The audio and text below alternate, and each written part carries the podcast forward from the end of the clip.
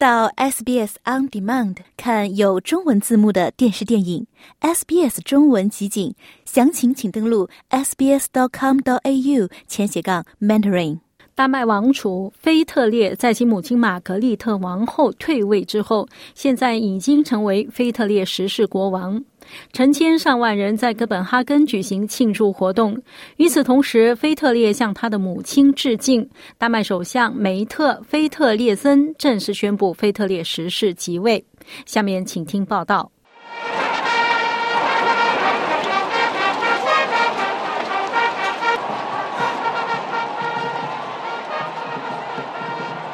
在安徒生童话的故乡，菲特烈十世和他出生于澳大利亚的妻子玛丽成为了丹麦的新国王和王后，写下了现代的经典童话般的爱情故事。数万人在接近冰点的温度下聚集在丹麦首都，观看新国王在母亲玛格丽特二世退位之后登上王位。五十五岁的弗雷德里克被首相梅特·福特列森宣布为国王。Er Today is Sunday, the 14th of January 2024. Her Majesty Queen Margrethe II has abdicated. On behalf of the kingdom, I wish Queen Margrethe a deep 我代表王国向玛格丽特女王致以深深的谢意。成为女王和国王是一个超越一切的纽带，是一条连结千年的长链。当一个人退位时，下一个人准备好了。而现在成为我们君主的王储，是我们认识的国王，我们喜欢的国王，也是我们信任的国王。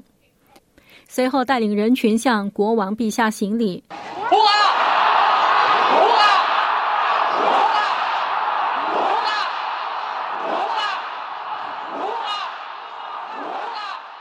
腓特烈国王在作为君主的第一次讲话中，向他的母亲致敬。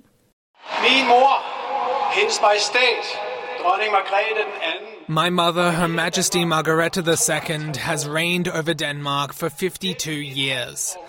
我的母亲玛格丽特二世陛下已经统治丹麦五十二年了。半个世纪以来，她以我们共同的遗产为起点，与时俱进。她作为一位非凡的女王，将永远被人们铭记。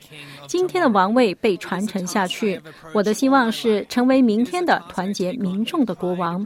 这是我一生都在追求的任务，这是我带着自豪、尊重和巨大喜悦承担的任务。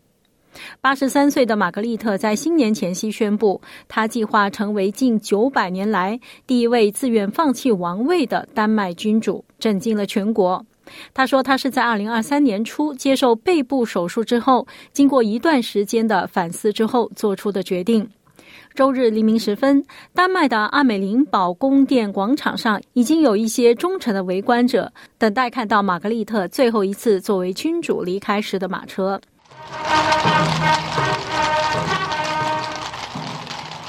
聚集者中有一位养老金领取者梅特汉森，他从奥尔堡专程前来参加这次活动。I I actually think I'm gonna cry, but I'm not sure. 我觉得我可能会哭，但是我不确定。我今天早上就在这里，有点想哭。五十二岁的电影摄影师雷内·奥尔森也在人群中。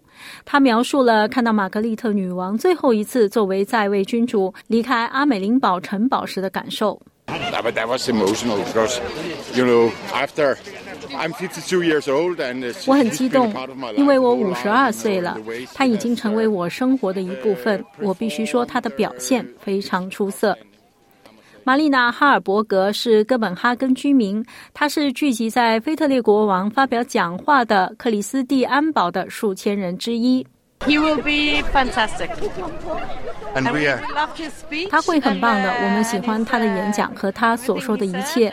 我们非常期待他从现在开始成为我们的国王。弗雷德里克国王与澳大利亚出生的玛丽结婚，玛丽现在是女王。他们的孩子包括十八岁的王位新继承人克里斯蒂安、十六岁的伊莎贝拉公主，以及十三岁的双胞胎公主约瑟芬和文森特王子。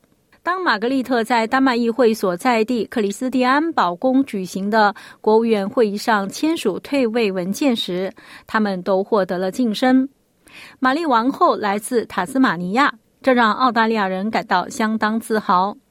Oh, I think it's wonderful and puts Tasmania on the world stage and.